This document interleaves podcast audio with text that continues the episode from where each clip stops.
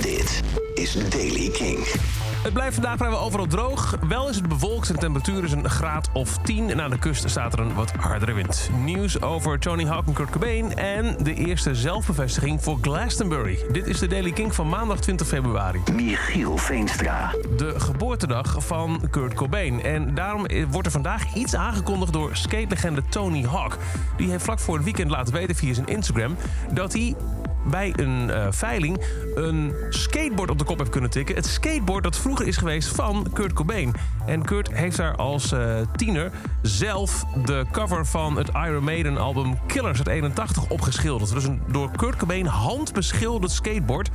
Uh, Tony heeft weten zeker te stellen dat het ook echt authentiek is. En hij is er vandaag iets mee van plan. Vandaag, de geboortedag van uh, Kurt Cobain om aandacht te vragen voor mental health. Ook omdat het skateboard een zogeheten Jeff Phillips model is. Uh, ik ben er niet zo in thuis, maar dat is ook een icoon in de skatewereld. Zowel Jeff Phillips als Kurt Cobain, ik geloof echt wel met drie maanden uit elkaar, zijn om het leven gekomen door zelfmoord. Dus aandacht vragen voor mental health door middel van een Jeff Phillips skateboard, handbeschilderd door Kurt Cobain. Tony Hawk gaat het vandaag doen, later meer. En de eerste zelfbevestiging voor Glastonbury is binnen. Er is nog niks bekendgemaakt behalve dat Elton John gaat spelen... tijdens wat zijn laatste UK-show ooit gaat worden. Maar nu heeft de drummer van Blondie ook verklapt dat ze op Glastonbury staan. Hij vertelde wat uh, over de zomerplannen van Blondie in een uh, interview met een uh, Brits radiostation. Ze gaan spelen met Iggy Pop in een um, Londense show.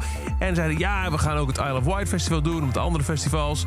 En volgens mij is Glastonbury nog niet aangekondigd, maar Oh, Hoppakee, there you go. We spelen ook op Glastonbury. Dus Blondie en Elton John komen sowieso naar Glastonbury dit jaar. En nee, het is niet de jaren 70.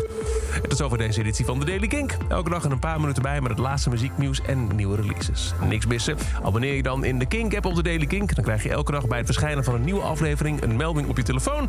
En voor meer nieuwe muziek en muzieknieuws... luister je s'avonds tussen 7 en 11 naar Kink in Touch. Elke dag het laatste muzieknieuws en de belangrijkste releases in The Daily Kink. Check hem op kink.nl of vraag om Daily Kink aan je smart speaker.